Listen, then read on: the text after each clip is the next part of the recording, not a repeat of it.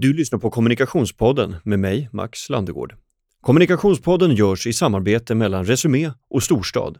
Storstad är en storytellingbyrå som specialiserar sig på ljudberättelser i premiumformat. I Kommunikationspodden bjuder jag in människor som jag vill veta mer om. Och podden är till för dig som vill bli lite smartare vid middagsbordet.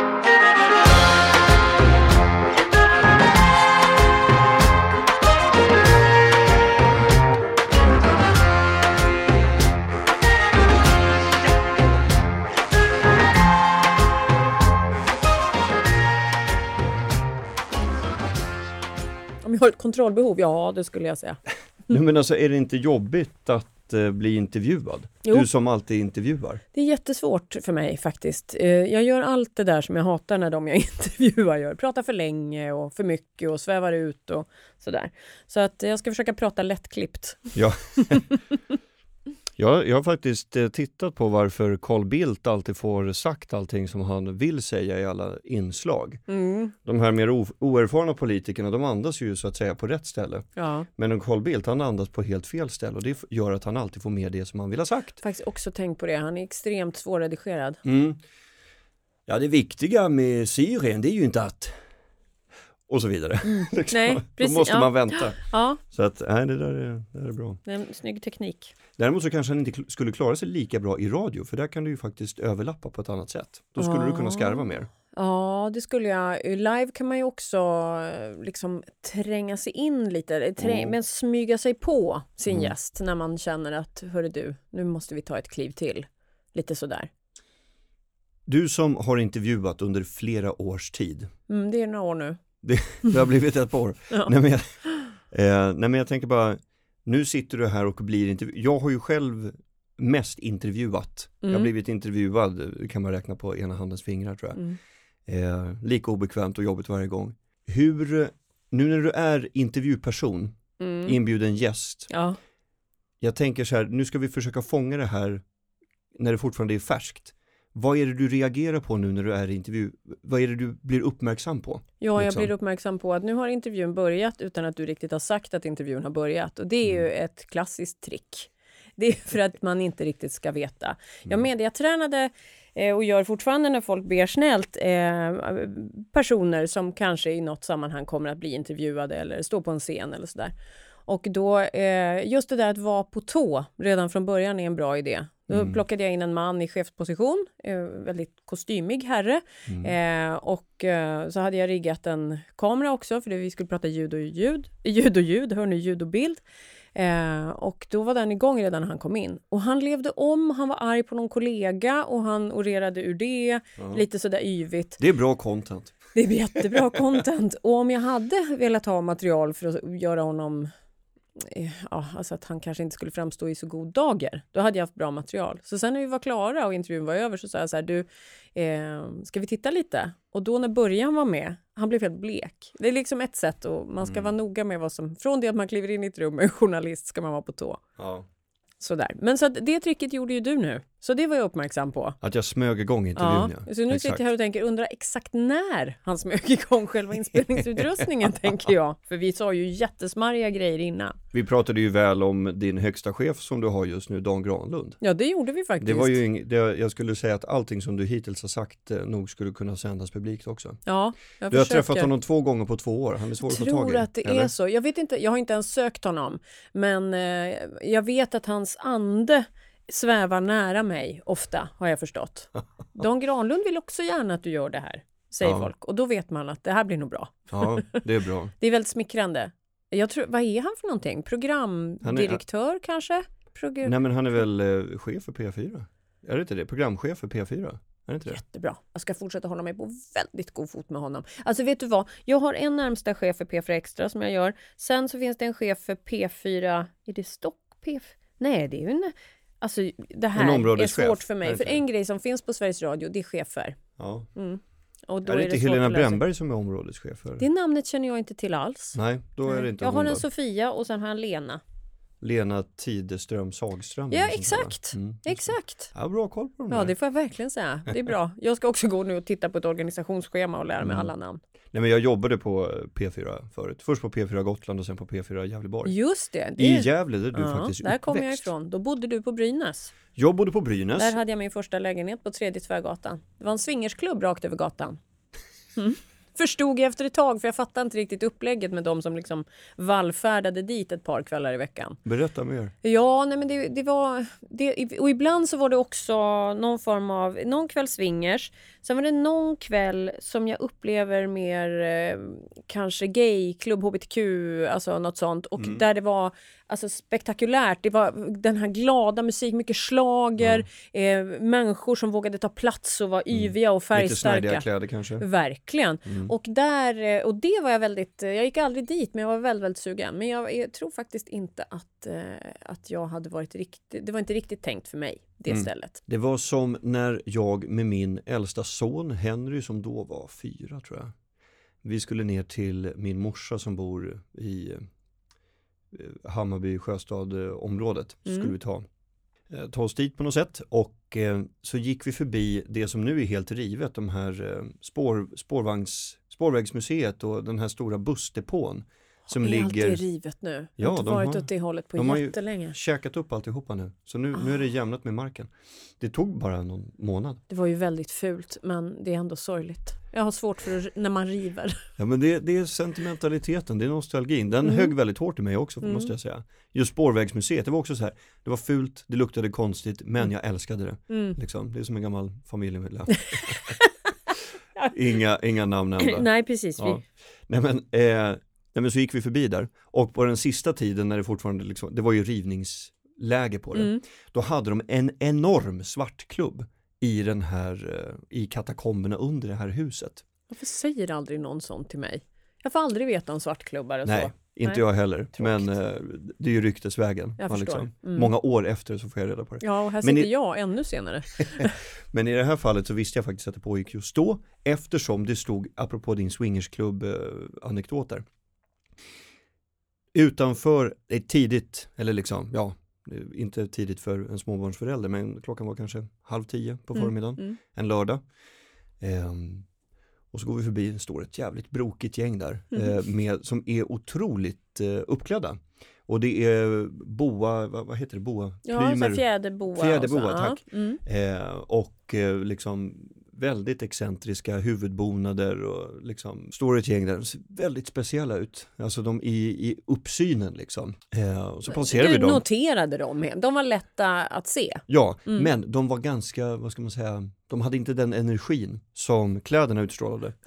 eh, och då frågade jag, när jag gick förbi med Henry då, eh, så sa jag, ja hej hej, de bara, hej, och så frågar Henry, ska ni på kalas? Och så säger en av de här snubbarna då, vi har varit på sexklubb. Men det är bra. Jag skyndar på stegen, Henry bara, vad är sexklubb? Det verkar kul. Det, det är när man har det trevligt och vuxen och umgås med olika. Vad rart. Ja, Det Usch. ser ju väldigt roligt ut. Eh, Ja, Alltså, alltså som att de har haft väldigt kul, tänker jag. ja men det Mm. tro, utgår jag ifrån. Ja. Eftersom de, jag trodde ju de var på väg till någonting, men de var på väg hem. Mm. Eller vidare till nästa fest. Just det. Nåväl, men det är ju inte därför du är här. Nej, jag tänkte vilken spä vad spännande. Det här kan ta vägen var som helst. Jag gillar det. Jag gillar det. Men du, född och uppväxt i, i Gävle, jag tänker bara så här. ehm, nu, nu gör jag liksom en koppling eh, till mig själv och du får gärna motsäga den eh, eftersom vi båda två håller på med ljud, vi håller båda två på med radio. Mm. Jag gissar, utan att känna dig överhuvudtaget, att du precis som jag har en expressiv sida. Att man, man söker sig till det här för att det är kul att höras, det är kul att stå på scen. Jag menar du eh, var ju också bäst i kategorin moderator, i sam- du fick ju pris 2016. Mm. Eh, kategorin moderator i årets talare. Så någonstans måste det ju kännas att du söker dig dit. Ja, det får jag nog eh, faktiskt utan att behöva fundera länge på saken hålla med om. Mm. Eh, att det är så. Det har nog alltid varit så, du vet när man var liten hade en sån här Mina vännerböcker. Mm. Eh, då har jag en kompis som har sparat alla sina sådana och vi har känt varandra i en herrans massa år. Eh, och då när jag var åtta år då hade jag fyllt i att jag ville bli clown när jag blev stor. och jag vet inte riktigt hur jag tänkte, för just clowner har jag egentligen inte, utan det, det var nog mer något som clownen stod för. De fick uppmärksamhet och plats. Eh, och sen när jag var 12, då tittade vi i en sån där annan sån bok eh, och då stod det att jag ville bli journalist. Och om jag tittar tillbaka på min karriär eh, med utbildning och nyhetsjournalist och sen göra morgonprogram i kommersiell radio som har en mer lättsam stämpel. Alltså det är väldigt mycket glatt, även om vi har gjort tuffa, svåra grejer också. Så liksom, eh, generella intrycket är kanske lättsamt. Eh, och eh, nu så är jag då på Sveriges Radio och gör P4 Extra som är ett stort aktualitetsprogram. Störst i Skandinavien faktiskt, passar jag på att berätta. Jaha, mm. jag ser där. Ja, men mm. och då, ja. då får man väl ändå säga att jag har lyckats kombinera clown och journalist ganska bra som vuxen. Mm. Eh, men, men jag har alltid tyckt om, jag, jag har inga syskon så jag har liksom inte behövt tävla om uppmärksamheten utan när jag har haft något att säga då har mina föräldrar inte haft något val utan de, jag har liksom sett till att de har lyssnat. Sen har det där fortsatt. Men eh, dina päron höll inte på med samma grej? Eller? Nej, inte mm. alls. Min mamma jobbar administrativt inom kommunen i Gävle. Bland annat. Hon har också jobbat på Gävle Taxi. Eh, hon har både kört och suttit i växeln och det tycker jag när jag var liten och även fortfarande är så coolt. Eh, min pappa är revisor. Mm. Mm, så det är väldigt olika. Men min pappa är, har nog det här utåtriktade från honom. Han eh, har spelat i olika jazzorkestrar och eh, är liksom, han har också den här sidan. Nu höll du på med fingrarna där. Var ja, det banjo? Han spelar banjo. Han, han, han spelar banjo. Mm. Vad trevligt alltså. Ja, det vet fan. Men, men jo, det är klart. I, I orkestersammanhang så fyller banjon sin funktion.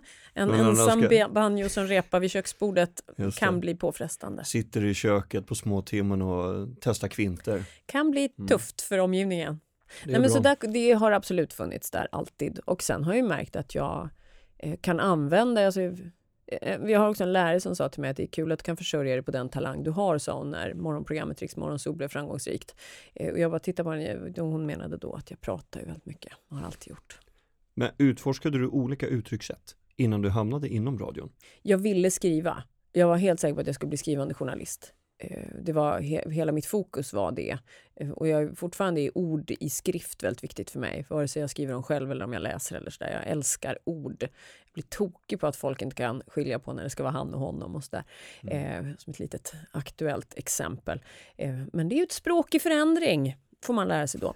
Hur som helst. eh, men vi, har du någon jag... favoritförfattare? Oh, Gud, Som en liten avstickare? Det är... Ja, eh, nej, alltså vet du, det kan jag nästan inte säga att jag har. Eh, och det är inte så ofta som jag återkommer till samma författare.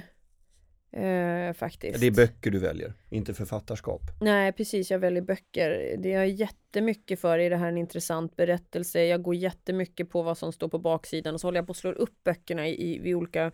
Alltså när jag är hos bokhandeln så står jag där och så slår jag upp och så läser jag några sidor här och där. Och ibland förstör jag en hel bok för mig själv för man lyckas pricka sidan som är helt avgörande i hela boken. Men, ehm, och sen så har jag äntligen slutat läsa hela böcker som inte är riktigt bra. Utan när de inte fångar mig på sidan 50-60 någonstans, då lägger jag bort dem nu. Men förut så tyckte jag det var taskigt mot den som hade skrivit, så då fortsatte jag fast jag inte tyckte det var bra.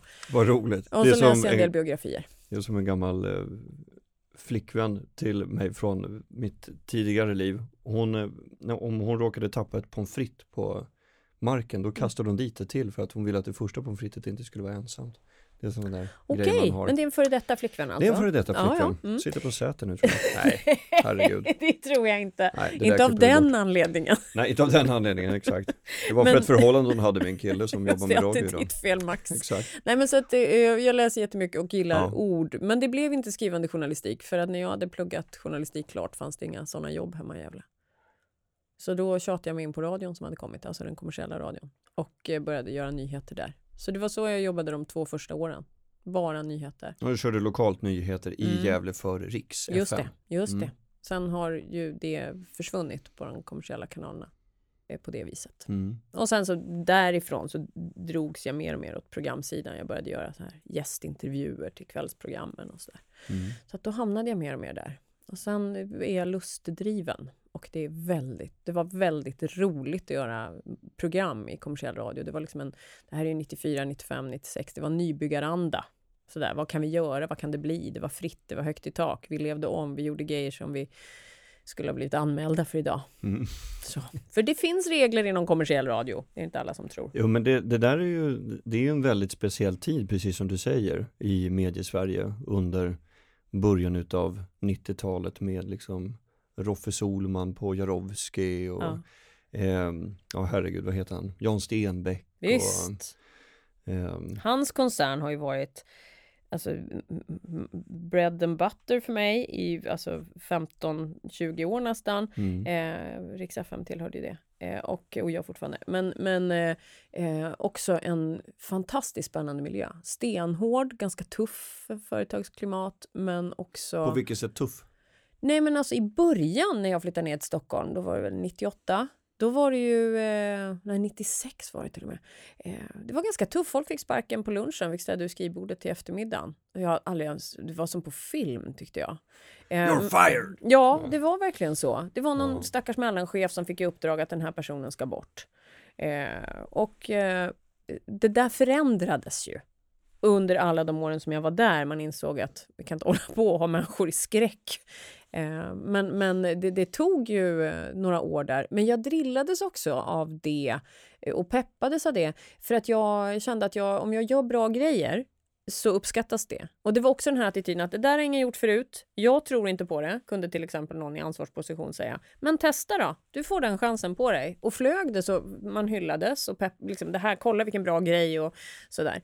Eh, och var det dåligt så bara ja, ja, men nu har du testat, nu håller vi inte på med det mer utan nu går vi vidare. Eh, Ett agilt arbetssätt, kan man säga. Kan man Mm. säga, absolut. trial and error. Exakt. Får det, du göra det på P4 Extra? eh, det, vet du vad, inom rimliga gränser så tror jag det utrymmet finns fortfarande.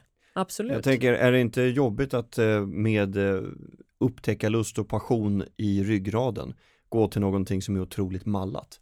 Mm. Om jag ska vara lite jobbig med dig. Var, ja, men vet du vad? Det är jättespännande att du säger det. För att eh, jag har nämnt det här för några stycken. Jag började ju sända... Eh, på Sveriges Radio började jag med att vara med och forma ett morgonprogram på en kanal som heter P5. Mm. eh, Som sen. Otroligt bra. Du och Farsad va? Just det, på morgnarna. Nouri. Det var skitkul Mm. att jobba med honom. Ja. Vi kände inte varandra alls. Vi hade liksom inte ens snuddat axlar i något sammanhang i branschen. Eh, och så skulle vi lära känna varandra på nolltid och vi är båda väldigt raka. Och jag bestämde mig för att vara tokrak med honom när vi träffades. Men ja, lång, det ska vi inte ens för, sväva iväg. Men jag är väldigt lycklig för att vi fick lite tid tillsammans i eten han och jag. Eh, men, men då skulle jag vara där och hålla på att forma det. Och där, det var en jättekreativ kanal. Mm. Alltså jag upplever ju att vad förskräckligt tråkigt att fler inte hittade dit, för det är anledningen till att den är nedlagd nu. Eh, att fler lyssnare inte hittade det programmet. Jag, alltså, fant, och inte bara programmet utan kanalen. Men eh, i november, för att svara på din fråga, så kände jag Eh, jag klev på P4 Extra som ordinarie programledare i september. Någonstans i slutet av november, början av december, då var det aktuellt för mig att bestämma mig för om jag skulle fortsätta eller inte. Och då var jag inte helt säker på att jag skulle göra det. För att jag kände att jag passar inte in här, det skaver lite. Eh, jag försökte liksom passa in. Mm. Och det har aldrig varit min starka sida. Eh, men så kom jag på att, men vänta nu, de Varför har... kände du att du inte passade in? Ja, men just för att det fanns en mall, ett program som var så etablerat, hade lyssnare som visste hur det skulle låta och det var så de ville ha det och sådär. Eh, men sen så, jag fick verkligen fundera på det. Och så började jag liksom ta lite mer plats. Det är liksom en låda man måste hålla sig i. Men jag ville att lådan skulle ha mjuka kanter så att jag kunde boinka ut dem lite grann. Eh, och då började jag boinka på dem åt olika håll och testa, testa stretcha. Eh, jag slutade stå upp på söndag, jag satte mig ner. Det är en jättestor skillnad för mig i attityd till mikrofonen. Liksom. Mm.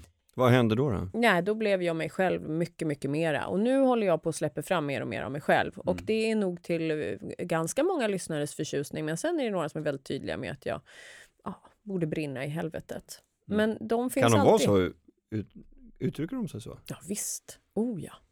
Alla möjliga sorters avsky och hat Fan, kommer. det är folk alltså. Ja, nej, men det, jag har nästan slutat häpna, så det är också obehagligt. Att jag knappt liksom, ja, jag bara lägger åt sidan. Men Ja. det finns ju en ganska stor äldre lyssnarskara. Mm. Och där finns det något vackert i att man skriver sina trolliga brev för hand ja. och skickar.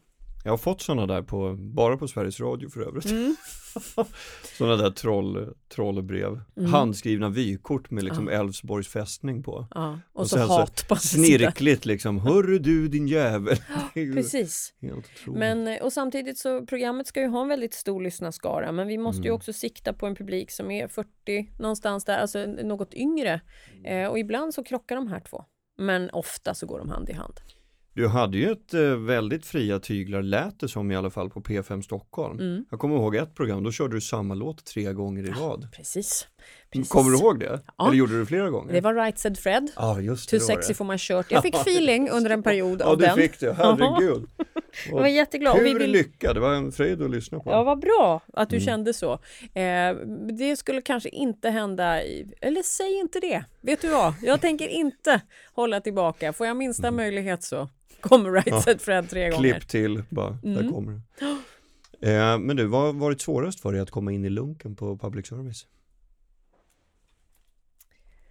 Ehm...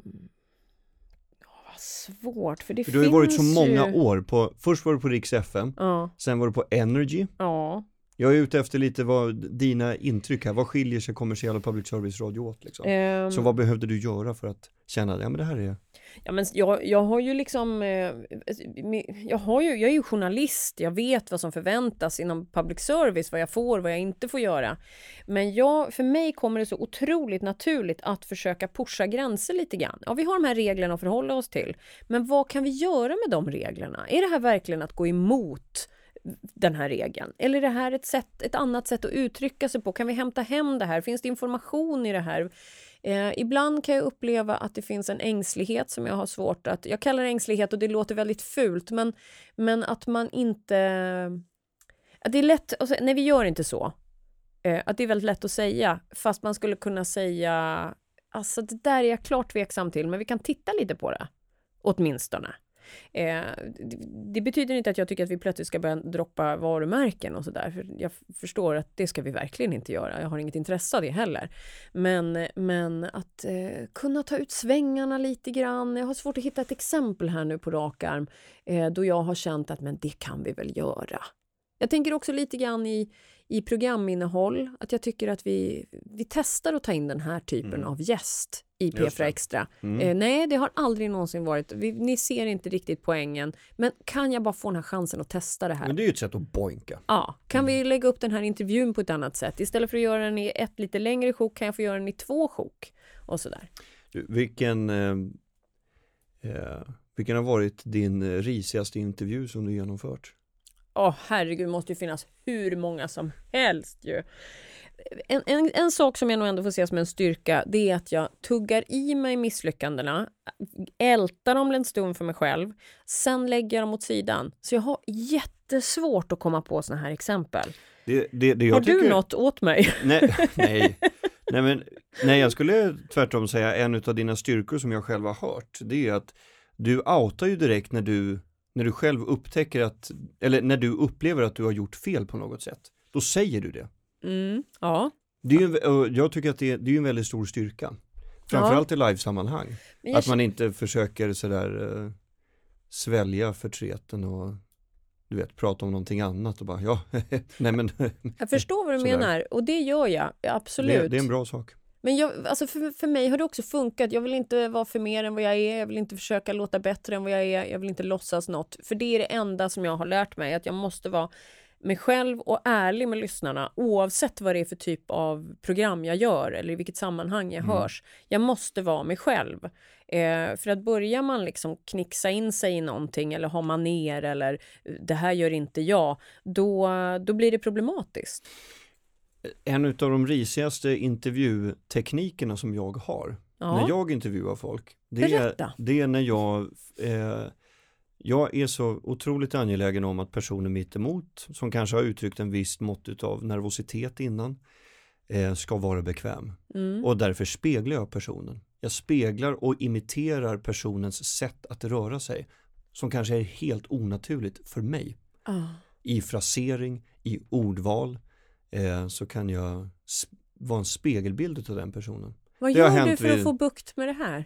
Nej men uh, sl sluta göra det. Ja. Men jag vet att det, det är mycket lättare sagt, än gjort. Jag Som- kan inte ens sitta på ett sätt och säga nej men så farligt är det utan ja nej men det låter ju inte helt bra det här Nej, det Max. det är jättedåligt. En, en av de riktigt, en riktigt risig intervju, eh, det var när jag, eh, det var i Almedalen. Då intervjuade jag en eh, politiker Ja. från ett parti som, eh, som finns idag. Och eh, Och den här Jag- politikern finns ju också. ja, nej, men jag. ska inte hänga ut henne för hon, hon är inte jätte... Det var en hon, okej jag börjar ringa in det nu. Ja. Okej, okej, ja men då vet jag vem det är. Det var alltså. Ja. Och eh, jag märkte att hon var nervös när jag Ja. skulle intervjua henne. Och hon använde den nervositeten genom att vara hånfull mot mig som moderator och för att jag ställde enligt henne okunniga frågor.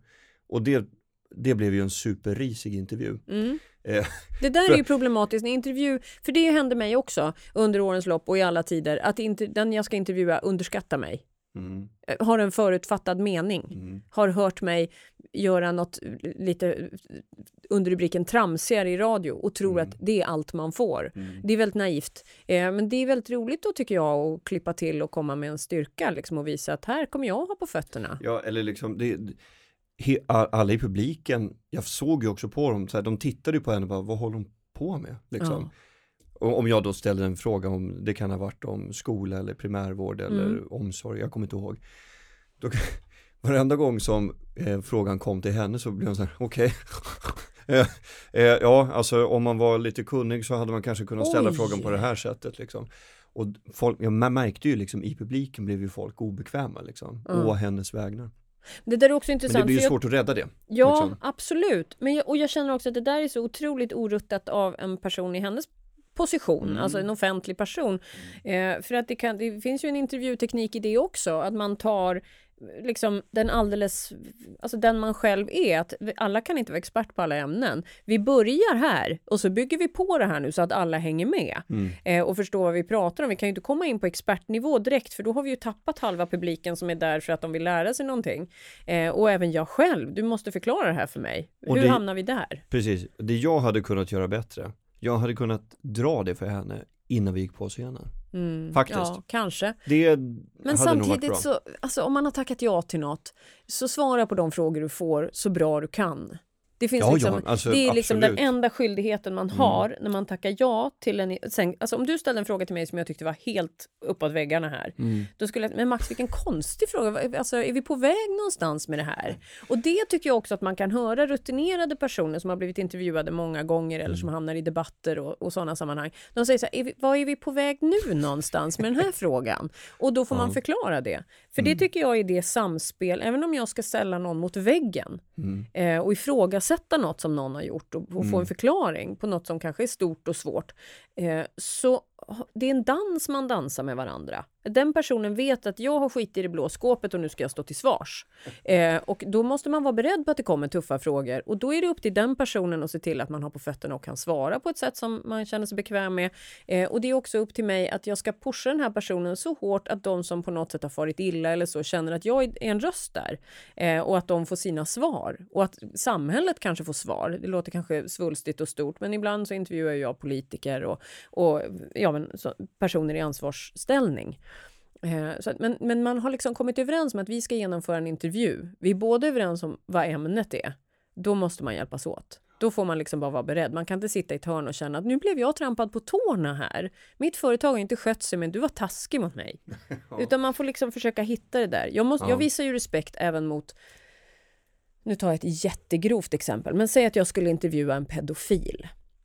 Jag tror att många människor förstår vad jag står i den frågan.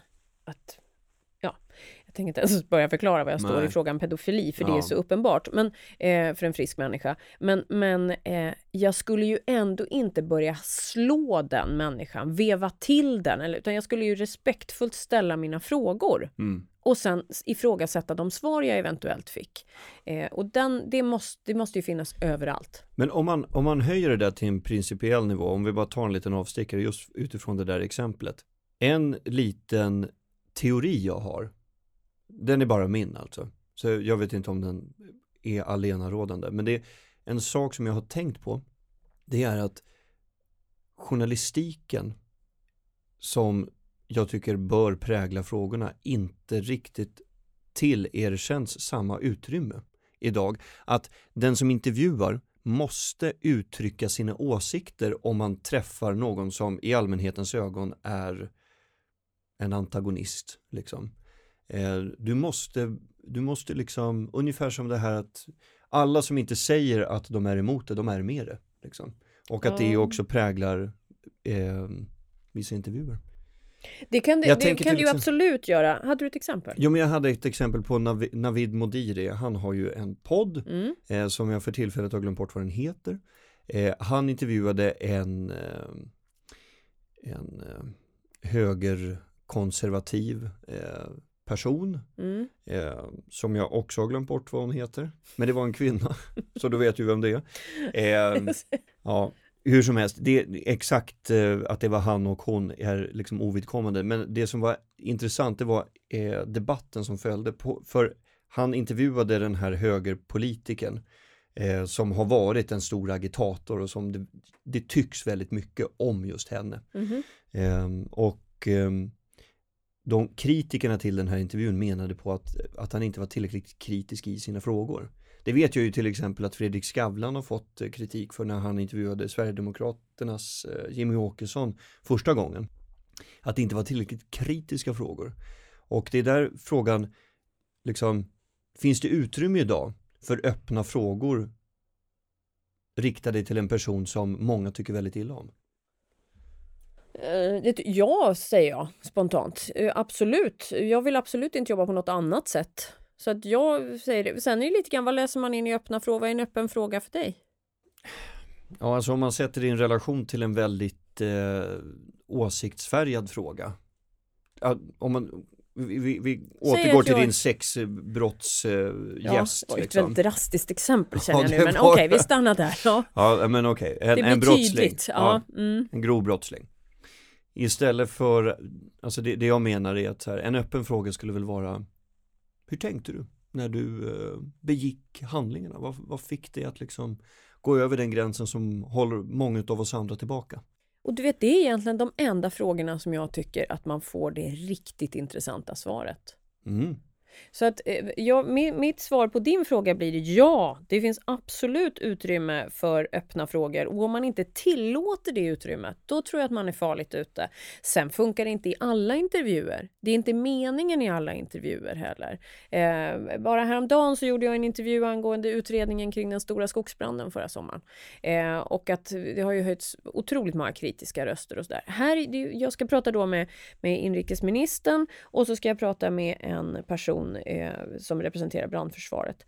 Och eh, det här är ju smalt. Jag vill ju veta deras ståndpunkter. Så här ställer jag ju jätteriktade och liksom fokuserade frågor på det vi ska få fram. Hur kommenterar du det han säger? Eh, det här kommer fram i undersökningen, eller ja, vi gör ju den här utredningen. Vad, va, va, va blir ditt svar på det? Eller hur ser du att man hade kunnat göra det här annorlunda? Då blir det ju väldigt, då ska jag ju in där verkligen. Eh, men, men träffar jag en person för ett längre, kanske ett något längre samtal, då tycker jag att eh, att låta människor få fundera ett ögonblick och svara på en fråga som är bred, det är ju det härligaste. Sen börjar jag hugga på det de har svarat i den naturligtvis och nischar in där. Så att ja, öppna frågor är jätteviktigt. Vad har du för knep för att en intervju ska gå riktigt bra? Det är lite, alltså jag har knep, det vet jag. Jag vet inte om jag skulle kunna skriva upp dem på en lista. Men när jag visste att vi skulle prata lite grann om intervjuteknik så tänkte jag så, vad har jag för små tips och tricks för mig? Eh, och det tycker jag var jättesvårt att komma på faktiskt. För att jag har ju intervjuat människor i över 20 år och någonstans så kliver jag in i ett rum och så träffar jag den jag ska prata med och jag känner liksom in. Jag tar ofta mycket plats. Jag är sån som person, vi var inne på det tidigare. Men precis i det ögonblicket då jag träffar en person som jag kanske inte känner, eller det är skitsamma faktiskt om jag har träffat den här personen sedan tidigare eller inte. Jag känner vad verkar du vara på för humör? Vad skickar du för energi när du kommer in i rummet? Hur tar vi i hand? Kramar vi varandra? Eh, är det en tuff fråga? Är det inte? Är det en person som inte blir intervjuad så ofta? Är det någon som är nervös? Är det någon som tar det här med en klackspark? Eh, jag känner in och sen anpassar jag mig ganska mycket efter det. alltså att jag låter den personen må som den gör. Men är det någon som är väldigt nervös, Mm. eh, då gör jag precis motsatsen som du gav exempel på. Nämligen, är någon nervös så är jag så trygg. Den personen kan, alltså jag förklarar för den personen exakt vad vi ska göra, i vilken ordning, lite generellt. Eh, du har inget ansvar i det här, säger jag till en person då. Eh, jag kommer att ställa frågor till dig som, på, på ett ämne som du är expert i, så du behöver bara svara på de frågorna. Du har inga andra förväntningar här. Du behöver inte titta på klockan. Jag kommer att titta på klockan. Det behöver du inte bry dig om. Utan eh, att jag försöker liksom få den här personen att känna, och ofta så säger jag, det här är samma sak som om du och jag var ute och tog en kaffe ihop. Jag skulle ställa de här frågorna över ett fikabord också. Så att, eh, ja, det är liksom en väg, lite grann. Det, är inte, det behöver inte vara svårare än så. Du är pristagare i att moderera. Vad, Mm. vad har du som andra inte har där? Vad skulle du säga? Dels så tror jag att jag har en väldigt stor erfarenhet av att intervjua människor. Jag är van att lyssna på vad folk svarar. Och det är det absolut viktigaste när man intervjuar tycker jag. Det är att lyssna på vad du får för svar. Eh, och det misslyckas jag med också. Varje vecka misslyckas jag. Man, man missar någon liten grej. Mm. Det som- har jag aldrig gjort, men ja, ja jag, jag, jag, jag har hört att Men många... vi andra, ja, mänskliga. Ja, precis, ja. Man missar någon liten sak som man, hade, man i efterhand känner bara ja, men verkligen. jag skulle ha ställt följdfrågan på det där. Absolut. Men, men lyssna är jätte... Och det tror jag är väldigt användbart när man är moderator. Man får inte tappa tråden. Det ska sitta ihop, folk svävar iväg men det finns fortfarande en fråga som ska ha ett svar till exempel. Eller man, ska, man är på väg någonstans. Eller... Så att, ha koll på uppgiften men också lyssna väldigt, väldigt noga. Tillåt människor att vara lite roliga. Bjud in till ett garv även om det är en seriös debatt i ett viktigt ämne, ett tråkigt ämne, ekonomi, som jag tycker är trist. Då att ge publiken en möjlighet att skratta åt någonting. Bjuda på sig själv eller eh, kanske lyfta något när någon i en panel faktiskt anstränger sig och försöker vara lite lättsam och rolig. Och det liksom kanske inte, men att vara där och lyfta stämningen och så där så folk orkar lyssna en timme till. Jag, jag tror att det är en styrka. Och sen är jag eh, född nyfiken. Det är en styrka. Jag kan uppringa nyfikenhet på precis vad som helst. Alltså på riktigt precis vad som helst. Jag är helt säker på det. Du skulle kunna utmana mig på det om du vill. Men eh, genuint intresserad av sladdar om det kniper. Och sen bjuder du väldigt mycket på dig själv också. Det försöker jag tycker nog jag. göra. Ja, jag blir, glad att du säger, ja, liksom. jag blir glad att du säger det. Ehm, när jag kan använda mig själv som verktyg Mm. eh, så gör jag gärna det. Jag, har liksom, det finns, jag försöker vara prestigelös. Det låter ju också pretentiöst, men jag Nej, försöker men- vara prestigelös. Nej, men jag tänkte bara som en liten komplettering. En, en, I den andra vågskålen, just att du har ju nämnt ett par gånger nu att du liksom pratar väldigt mycket, vilket också är en förutsättning såklart om man ska vara bra i radio. Ehm, men i gengäld så bjuder du väldigt mycket på dig själv också. Så är det ju. Ja, vad kul, vad roligt. För att Ehm. jag har i alla, det är i alla fall ingenting som jag inte vill göra. Har du varit i Almedalen någonting? Ja, det har jag. Det är några år sedan nu. Sen jag började på Sveriges Radio så är det ju lite problematiskt. Jag kan inte, jag kan inte leda samtal med politisk avstamp såklart. Just det. Eh, sådär. Då Jag, kan du bara ta de välbetalda moderatorsjobben också i Almedalen. Exakt. Så det är det jag gör. Eh, men men eh, jag, har, jag har inte haft tillfälle heller. Eh, och ska jag vara helt krass så sista året så tackade jag nej för att uppdragen som jag blev erbjuden fick mig inte att vilja avbryta semestern, får man vara så fräck. Eh, jag kunde liksom kosta på mig det. Hade jag kunnat liksom stapla en massa olika på varandra så hade det varit spännande, men den möjligheten fanns inte förra året till exempel, just därför att det var så många politiska inslag. Eh, men, men det är ju mer så här eh, jag gör ju gärna alltså organisationer, möta varandra, eh, där det liksom är en, en annan sorts avsändare än Mm. att den är liksom, att jag ser ut som att jag säljer bilar eller något. Mm. Så. Sen har ju jag, det där är ju, du sa vad man, vad man krockar. För mig är det ju så uppenbart att jag aldrig kommer att sälja bilar. Även om jag skulle stå, eller vad ska vi ta? Eh, att, men att jag säljer en produkt, det skulle jag ju aldrig göra. Jag skulle liksom inte säga jag älskar det här är den bästa datorn. Jag skulle ju aldrig säga det. Eh, och om jag tar ett uppdrag för en datafabrik Mm. så betyder inte det att jag tycker att det är den bästa datorn. Men det är ett företag som verkar funka. Det finns liksom inga konstiga aspekter runt det här företaget. Men det finns en problematik bara det att de betalar fakturan. Att jag, alltså jag skulle kunna leda en debatt där mellan utomstående och även folk från det företaget och sådär. Och jag vet ju precis var jag står i det här. Men Mm. andra människor kommer uppleva det som att eh, Att du, Ja, att jag ändå gillar det här gillar- ja, dataföretaget extra mycket. Och det där är problematiskt. Alltså det där är något som jag håller på att försöka få in i huvudet fortfarande. Att jag tänker så här, men folk är inte så dumma i huvudet. De Mm. förstår att eh, det här är en del, alltså så här ser medievärlden ut, så här arbetar vi. Eh, men där är vi inte än. Det är, jag- jag har fattat i alla fall. hur kommer lyssnarskaran skilja sig för P4 Extra om fem år? Och hur ska du Det menar ni jag har. målet? Jaha, nej, inte. Eh, jag tror att eh, jag, min, min önskan är att, vi, att människor hittar programmet. Att Mm. folk som är 35-40, eh, alla åldrar är välkomna, även mycket, mycket yngre. Men alltså när man är så här, jag tänker 35-40, att man också hittar det här programmet, att man förstår att det finns något ehm, alltså som är väldigt fräscht. Mm. Vi håller inte på att tugga gamla politiker eller eh, korsstygnsbroderier bara. Men däremot så kan man vara, liksom, jag ser ju hur man kan göra korsstygnsbroderi Är det fördom? otroligt Är det inspirerande. fördomen som folk har tycker du? Om P4 jag tror att det finns en fördom kring programmet att det är, är mossigt. Att det är liksom och- som en Lions-klubb med eh, live Vad härligt du beskriver detta. Eh, jag ser ju framför mig hur jag någon gång ska gå med i en Lions Club och åka på bussresor och titta på tulpaner och sådär. Det här är mina fördomar då vad man gör när man är gammal. Jag har hittills inte träffat någon äldre person som gör detta, men i alla fall. Eh, nej men alltså det är ju det är min målbild i livet. Att få, Mm. Lite Kalle Jularbo från Transistorradion. Ja, och du måste hitta en transistor. Ja, men men eh, det, det är liksom ett program med en otrolig bredd. Och jag tror att det finns en mycket större fräschör och spännande infallsvinklar än vad man tror. För att fördomen har satt sig lite, så nu ska vi knacka bort den, tänker jag. Och så ska vi också fylla på. Du ska få höra den senaste, alltså up and coming stjärnan på hiphop-scenen i Sverige ska dyka upp i programmet och etablera sig för de en och en halv miljon som lyssnar. Och jag tänker så här, även om jag är 78 så tycker jag att det är kul att fylla på med nya intryck. Det är ju min tanke. Jag tror inte att det finns någon 78-åring som bara, jag är klar nu, som säger det, jag vill inte ha något nytt eh, på en direkt fråga. Jag tror verkligen inte det. Så att, att de här liksom, ytterligheterna i åldrar ska kunna mötas i och lära sig av varandras ämnen också. Det finns en poäng i det. Det tror jag.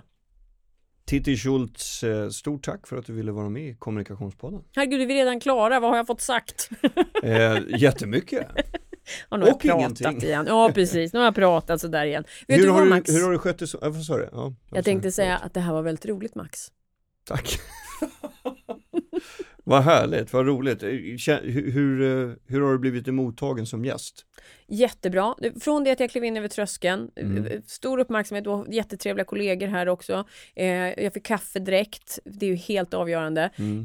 Eh, och jag har tittat på en stående flygel där ute. Vad Ja. är det för gammal möbel?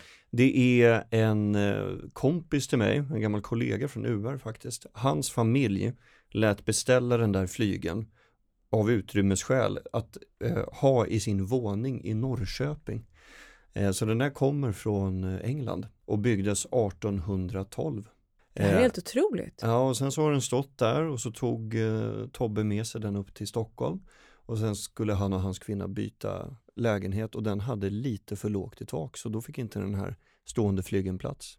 Vilken sorg säger jag om det. Ja, och då var det vissa som ville köpa den fast han ville ha möjlighet att kunna titta på den ibland så då, Mm. då fick jag jag, jag betraktar det mer som ett lån ska jag säga. Mm. Jag, när jag tittar på den så känns det ju som att det är Tobbes flyg. Men den står här liksom. Vi måste nästan beskriva den. Den är ju inte så bred. Vad kan det vara? 1,10 bred? Ja, och sen eh, så är den... 112 centimeter. Ja, du precis. ser vilket ögonmått Mm. jag Ja, har. bra. Hur djup är den? Jag säger 52 centimeter. Ja, 56. Ja. Mm. Alltså jag är ju grym. Och jag Men- är en savant. Håller koll på varenda jävla siffra. Men, ja. Och så är det liksom ett klaviatur och sen går Mm. det ju upp som ett skåp ovanpå. och precis. där inne är alltså alla strängarna, pianosträngarna. ja, exakt. Helt otroligt. Den låter ju lite som en taffel. Liksom. Så det är, Här är mina kunskaper kring taffeln begränsade. ja men eh, tänk Mozart. Gärna. Mm. Jo men Mm. nej, det är lite mer stroppigt piano. Ja, liksom. ja, det är lite... Exakt. Här sitter vi och illustrerar Mo- Mozart. Men alltså helt otroligt. Mozart Jag- vände sig i graven av. Det gjorde han, jag Ja. till och med hörde det. Men Ja. för jag var där och plinkeplonka lite. Den är ju inte så stämd. Nej, den, eh, den sover som pianostämmarna har sagt. Okej. Det kom hit en pianostämmare. Eh, han åkte hit från en ganska lång distans för han hade aldrig sett den på en stående flygel på det här sättet på riktigt. Så han eh, gjorde en inspektion helt gratis, Ja. trots att jag insisterade på att eh, ersätta honom. Ja. Och, Man får eh, skylla sig själv tycker Ja, jag. det tycker jag Mm. verkligen. att han Mm. Och då när han var klar med inspektionen så backade han vördnadsfullt utan att liksom vända flygen ryggen. Och så sa han nästan lite lågt till mig, liksom, nästan som att han viskade och så sa han Den här flygen kan vi inte stämma. Den här flygen sover. Och jag bara, vad betyder det? Mm. Han bara, stämde den inte? Och jag bara, så jag kan inte spela på den? Nej, det kan du inte. Okej, tack så mycket. Så då betalade, Mm. det, det var lite tråkigt. Man får alltså inte, det, det är för mycket jobb med den. Man måste byta ut en massa Aha. originaldetaljer. Okej. Och det är ju tråkigt för man vill gärna synd. ha lite originaldetaljer. Mm. Det är, det är ett fan, jag, jag vill att du på något sätt i, i något hemsidesammanhang nu fotar den här ordentligt så alla som lyssnar kan få se detta märkvärdiga. Ja, vet du vad? Vi kan göra så här. Vi, vi fotar, du och jag ska ju ta en bild tillsammans till Mm. resuméartikeln. Så vi fotar oss framför den stående flygan. Jättebra. Där har vi Det det. är ju en perfekt lösning. Stort tack Titti. Tack Max.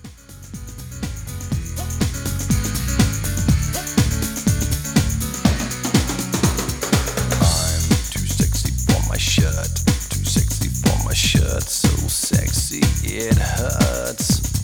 And I'm too sexy for Milan. Too sexy for Milan, New York, and Japan.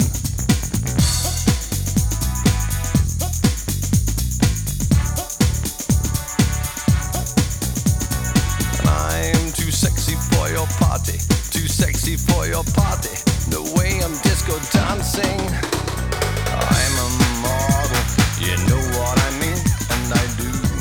sir.